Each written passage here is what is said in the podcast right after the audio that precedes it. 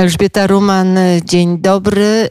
Zapraszam Was dzisiaj wprost z dużego pokoju do wielkiej sali. To jest e, sala wyłożona e, drewnem, a przynajmniej sufit jest e, ułożony z kawałków bardzo pięknego drewna, jakiego nie wiem, ale co to są, co to za miejsce i te wszystkie szyszki i kawałki drewna, które widzę wszędzie wokół, wyglądają jakby były przywożone i zbierane gdzieś daleko na świecie Mm, i składowane w tych gablotach, które widzę wszędzie wokół. Zdradzę jeszcze Państwu, że jest to miejsce ukochane przez pewnego ducha, przez białą damę. Czy ktoś się domyśla, gdzie ja jestem?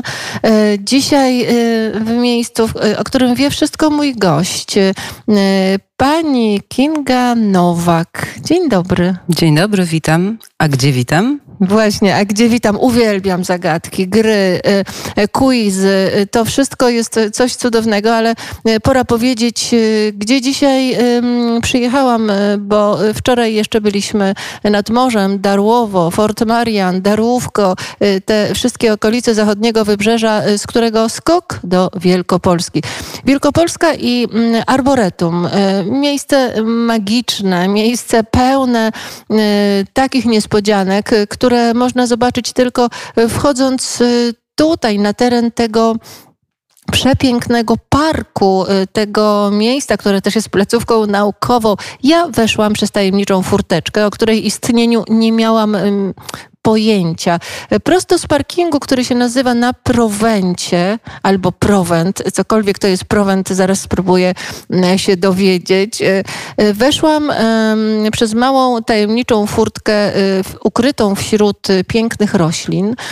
No i jestem w miejscu, z którego nie chce się wychodzić. Arboretum Kurnickie, a mój gość, pani Kinga Nowak, jest y, dyrektorem Arboretum, broni się, nie, kierownikiem, nie, opiekunem. Y, jedno jest pewne, wie wszystko o tych y, niezwykłych roślinach i krzewach. To najwspanialsza kolekcja drzew i krzewów. To miejsce założone przez Tytusa Działyńskiego w pierwszej połowie XIX wieku i można tu znaleźć kolkwicje chińskie, pneumatofory, drzewo duchów, tawule, forsycje, azalie, no i mnóstwo różnych cudownych y, roślin y, wyjątkowych. Y, zacznijmy od sali, w której jesteśmy. Sala jest piękna.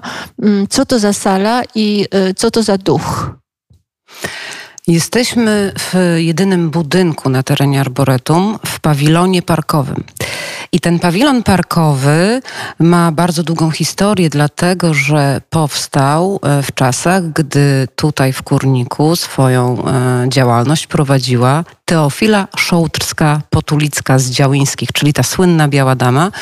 Była to kobieta e, bardzo światła, bardzo energiczna i miała wokół swojego zamku w Kurniku piękny ogród. Ogród w stylu francuskim. I jednym z elementów tego ogrodu były symetrycznie wokół osi usytuowane dwa pawilony parkowe.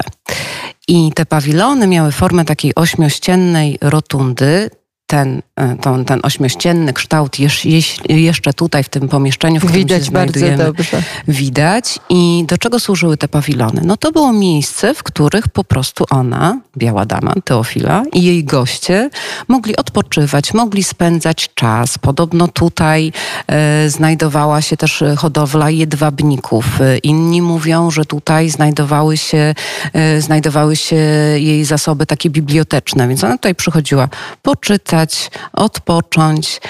A w czasach powstawania Arboretum, czyli troszkę po już śmierci Białej Damy, Tytus Działyński wykorzystywał ten budynek jako swój pierwszy magazyn biblioteczny.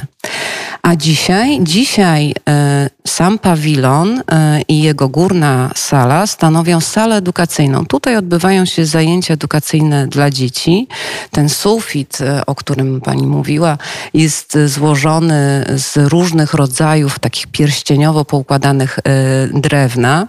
Są tu różne gatunki zgromadzone, a gabloty ukrywają próbki drewna, próbki nasion, próbki szyszek zwożonych tak z całego świata, chociaż arboretum to głównie kolekcja na zewnątrz, czyli kolekcja roślin, drzew i krzewów zgromadzonych tutaj na terenie arboretum. Pytań mam już 150, bo y, to jest miejsce y, tajemnicze i piękne. Ta założycielka tego miejsca to jakie lata?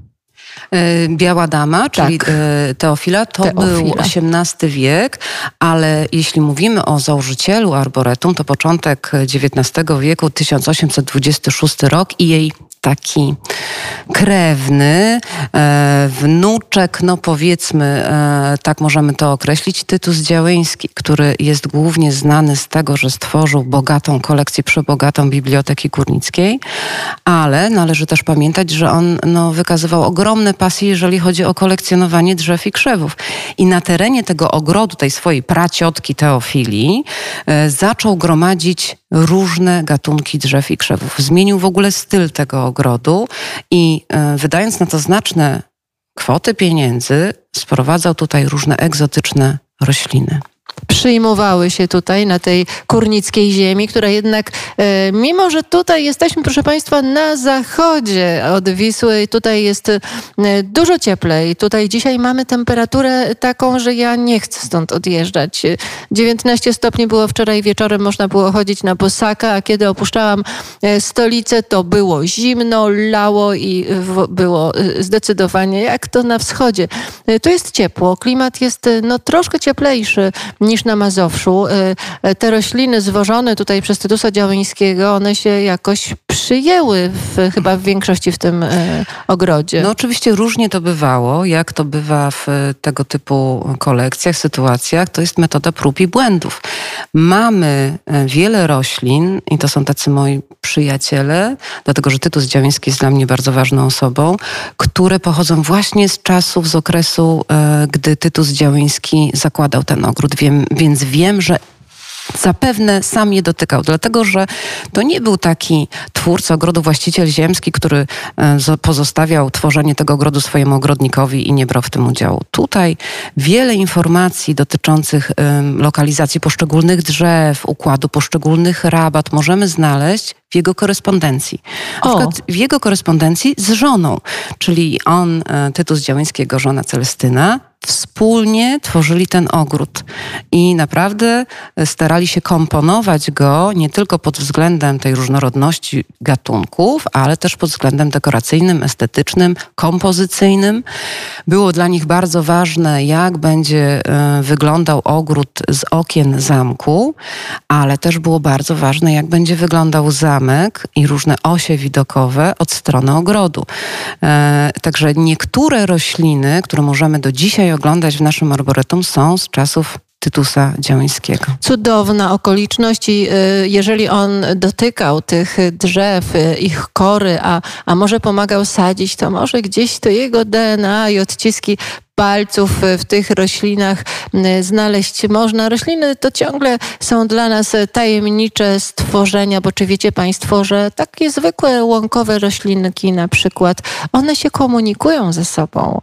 Y, one ze sobą mają dużo związków, zajmują się tym dzisiaj naukowcy, ale jesteśmy w arboretum, więc nie będziemy mówić o łąkowych y, roślinkach, ale o tym niezwykłym miejscu, bo już Y, Teofila y, zostawiła tutaj swoją y, fantazję, wyobraźnię, no i nie opuściła tego miejsca, bo jako duch przybywa tutaj, tak słyszałam od mojego gościa, pani Kingi, ale pani ją spotkała jakoś tak przechadzając? No, oczywiście takie miejsce, które nie tylko służy nauce, ale również turystyce, w takim miejscu dobrze robi taki duch i nasza Teofila, nasza biała dama, którą zresztą można zobaczyć. Jedyna zobaczyć, prawdziwa jak... biała dama, powiedzmy sobie e, e, serio w Polsce, bo ja jestem w wielu zamkach i w wielu miejscach i tam się pojawiają różne białe damy, czarne damy, e, ale to są podróbki, naprawdę. Jedyna prawdziwa biała dama, proszę Państwa, to jest Teofila Kurnicka i nie musimy wszystkiego zdradzać, bo jutro będę w zamku. Na razie jesteśmy w ogrodach zamkowych, czyli w tym cudnym arboretum. Jutro zamek, to powiemy więcej, dlaczego ona duchem została i dlaczego nie opuściła tego miejsca. Także to możemy dzisiaj zostawić jako tajemnicę. Jedno jest pewne, siedzę w miejscu, siedzimy w miejscu, które Teofila kochała i w którym przesiadywała, więc już jej duch tu jest z nami. Tak, tak. Teofila to y, ogród, y, to, to historia, y, a ta taka kolekcja, która naprawdę zaczęła powstawać i która do dzisiaj służy, i to nie tylko edukacji, nie tylko nauce, ale, ale też turystyce i po, dla, dla podziwu gości, to Tytus Dzioński, jego żona, jego syn Jan Działyński, a później ostatni właściciel kurnika Władysław Zamojski. Bardzo ważna postać. Człowiek, który przekazał dobra kurnickie i dobra zakopiańskie narodowi polskiemu. Narodowi polskiemu wy, wybitna postać i, i on też y, gdzieś będzie z nami y, jutro, kiedy będę chodzić po zamku i odkrywać jego tajemnicze przejścia, kominki, w których przechowywano uciekinierów i różne inne takie miejsca. Y, ale proszę Państwa, wyobraźcie sobie miasteczko, Kurnik. To jest miasteczko piękne, maleńkie. Nie wiem, ile, ilu ma mieszkańców, ale naukowców w Kurniku jest najwięcej. Na e, 100 mieszkańców? Jak to jest? Tak, to można, bardzo ciekawe byłyby takie statystyki, ile osób spośród mieszkańców Kurnika pracuje w jakiejś placówce naukowej, dlatego że Kurnik też za sprawą Władysława Zamojskiego e, stał się takim miasteczkiem, w którym znajdują się liczne jednostki Polskiej Akademii Nauk. Bo Biblioteka Kurnicka, czyli Zamek Kurnicki, to Polska Akademia Nauk. Nasze arboretum jest częścią Instytutu Dendrologii Polskiej Akademii Nauk, czyli tej placówki, która zajmuje się badaniem drzew i krzewów. Mamy tutaj również zakład doświadczalny Polskiej Akademii Nauk i też e, miejsce, w którym będzie, e, zdaje się, że pani redaktor. Oczywiście, w którym patrzą w niebo, obserwatorium astronomiczne, które e, też gromadzi tutaj naukowców i które, w którym będziemy gościć w czwartek. Rzeczywiście, Kurnik, miasto żyjące nauką, miasto naukowców, a wejścia na teren tego arboretum i, no i też dojścia do zamku. Nie, dojścia do zamku nie, to jest wejście do arboretum. Od strony parkingu zamkowego strzeże roślina. E, roślina, e, którą jeżeli nie, nieopatrznie jakoś wejdziemy będziemy mieli no, taką okoliczność sprzyjającą lub nie, której owoce wielkości piłki, jakiej piłki? No, y, no, wielkości myślę, że to jest taki grejpfrut pomarańcza. Oj, taki duży grejpfrut, takie ma piękne, żółte owoce. No bo jeżeli taki owoc spadnie komuś na głowę, no to oszołomienie może potrwać długo. Co to za roślina? Y, y, I jakie tutaj są rośliny? Takie najbardziej tajemnicze, najciekawsze. To już za chwilę, bo pora na chwilę muzyki Asia Reiner, która realizuje nasz program w studio e, przy krakowskim przedmieściu, e, e, rządzi i teraz zarządza chwilę z muzyką. Goszczę dziś w Kurniku, mie mieście naukowców, gdzie 50 hektarów to najwspanialsza kolekcja drzew i krzewów 3000 y, odmian, gatunków, y, jak to się nazywa fachowym Taksonów. Taksonów. Y, no, trudno powiedzieć, co jest tutaj ciekawsze, co jest piękniejsze. Ścieżki edukacyjne, można przyjechać z dziećmi, a nawet trzeba przyjechać z dziećmi, bo tylko tutaj, przy wejściu na teren zobaczą żółtnicę. Zacznijmy od niej. Żółtnicę pomarańczową, tak. Żółtnica pomarańczowa, e, przepiękny akcent jesieni, dlatego że wtedy właśnie widoczne są te niezwykłe, kuliste, ogromne owoce. A jest to gatunek, który pochodzi z Ameryki Północnej. Te żółtnice były kiedyś stosowane przez rancherów do budowania ogrodzeń wokół ich terenów, dlatego że tworzyły takie nieprzebyte, bardzo kolczaste żywopłoty i ich e, kariera niestety skończyła się gdzieś tak w połowie XIX wieku, tuż za połową XIX Dlaczego? wieku. Dlatego, że wtedy wynaleziono drut kolczasty i ogrodzenia już były robione, wykonywane z niego. Ale żółtnica to naprawdę bardzo ciekawe drzewo o takim drewnie bardzo sprężystym, pięknej barwie. Mm, I to, co jest ciekawe, to właśnie te jej owoce. Żółtnice, które rosną przy naszym zamku, to już są leciwe egzemplarze, mają ponad 165 tytus. lat, tytus, tak. tak. I y, tak się złożyło, że rośnie tam osobnik męski i żeński. I dzięki temu właśnie zawiązywane są te piękne, e, bardzo urokliwe, oryginalne e, owoce, które możemy teraz zobaczyć. Trzeba, e, trzeba to wiedzieć, że rośliny też łączą się w pary i tylko dlatego pojawiają się owoce derenie, chyba też są po, podobnymi roślinkami. No, muszą są być takimi derenie, raczej nie, wiele wierzb, wiele topól, niedużo roślin wykazuje tą, taki system kojarzenia. O, zaraz, zaraz, czyli nabrano mnie w sklepie ogrodniczym, bo pani kazała mi kupić de dwa derenie, a najlepiej cztery, bo jak będzie jeden, to nic nie, mhm. na nim nie urośnie. E, nic nie urośnie, dlatego że rośliny są bardzo mądre i chronią się przed samozapyleniem.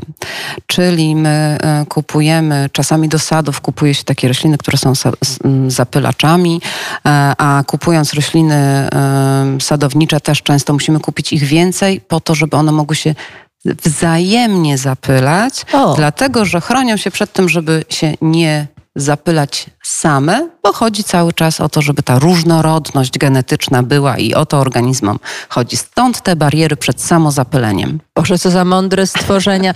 To jest e, fantastyczne. Drzewa to e, są piękne organizmy, a kiedy e, tutaj stałyśmy z panią kierownik tego obiektu y, y, w komnacie cisowej. Proszę Państwa, takich komnat nie ma nigdzie indziej na świecie. Komnaty y, cisowe.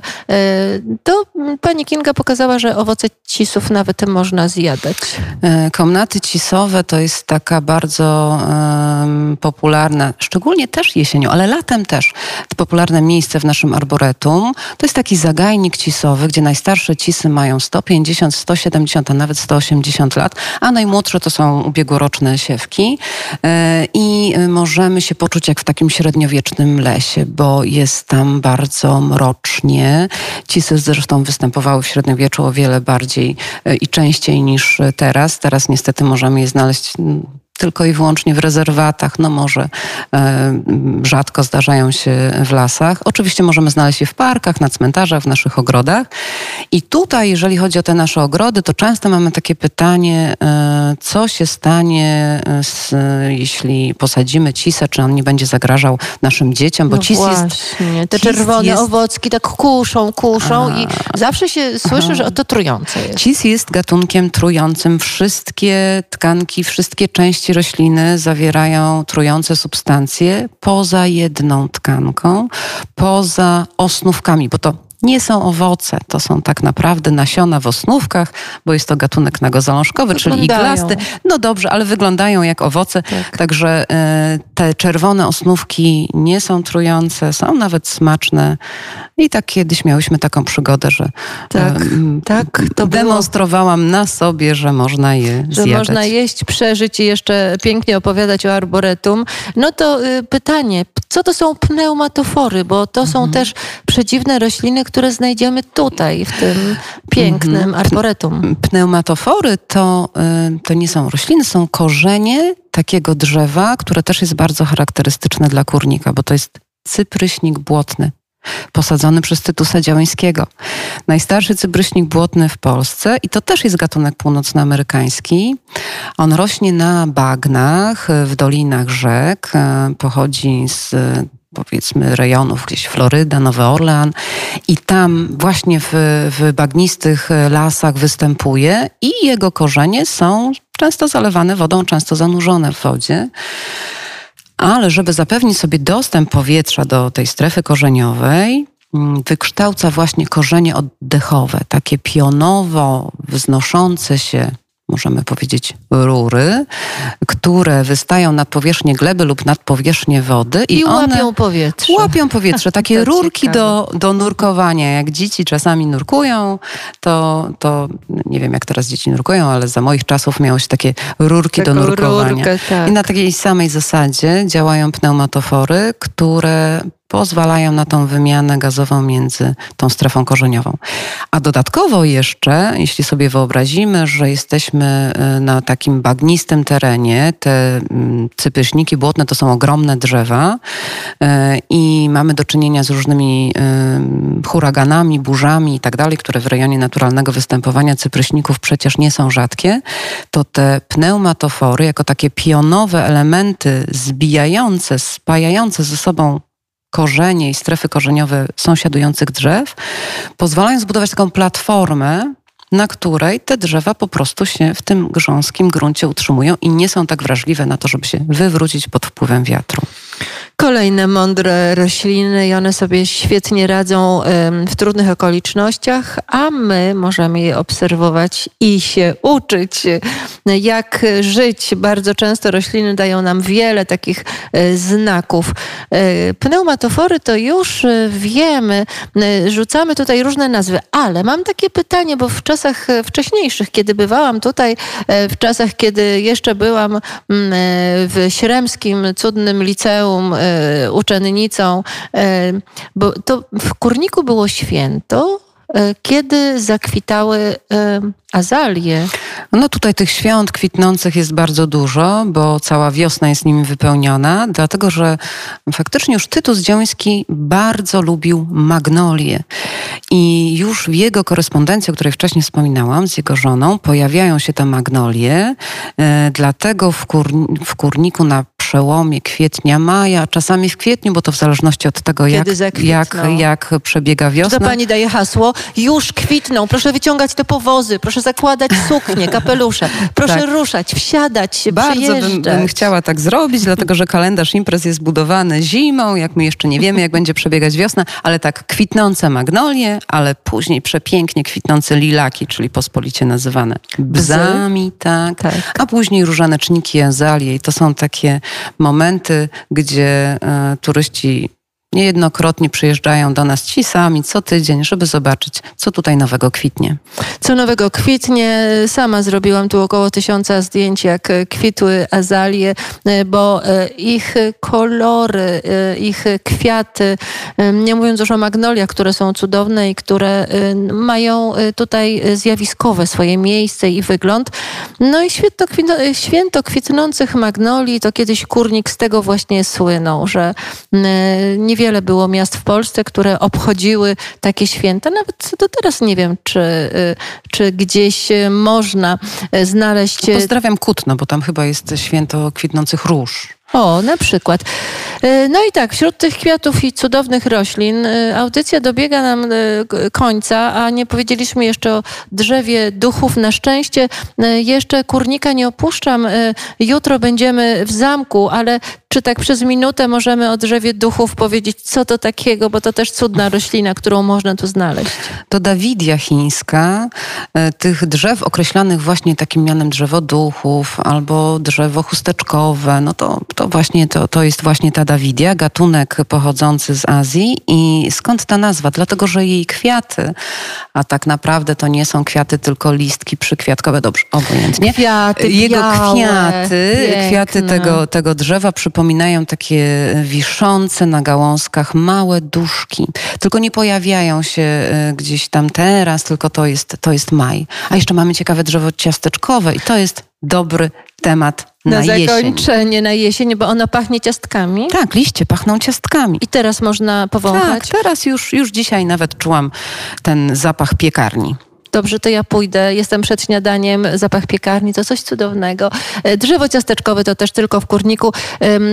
Pani y, znawczyni tego miejsca, dyrektor, kierownik, opiekunka drzew, pani Kinga Nowak dzisiaj była moim i Państwa gościem. Bardzo dziękuję. Dziękuję bardzo i zapraszam do nas. Dziękuję bardzo Asi Reiner, która realizowała nasz program. Słyszymy się już jutro.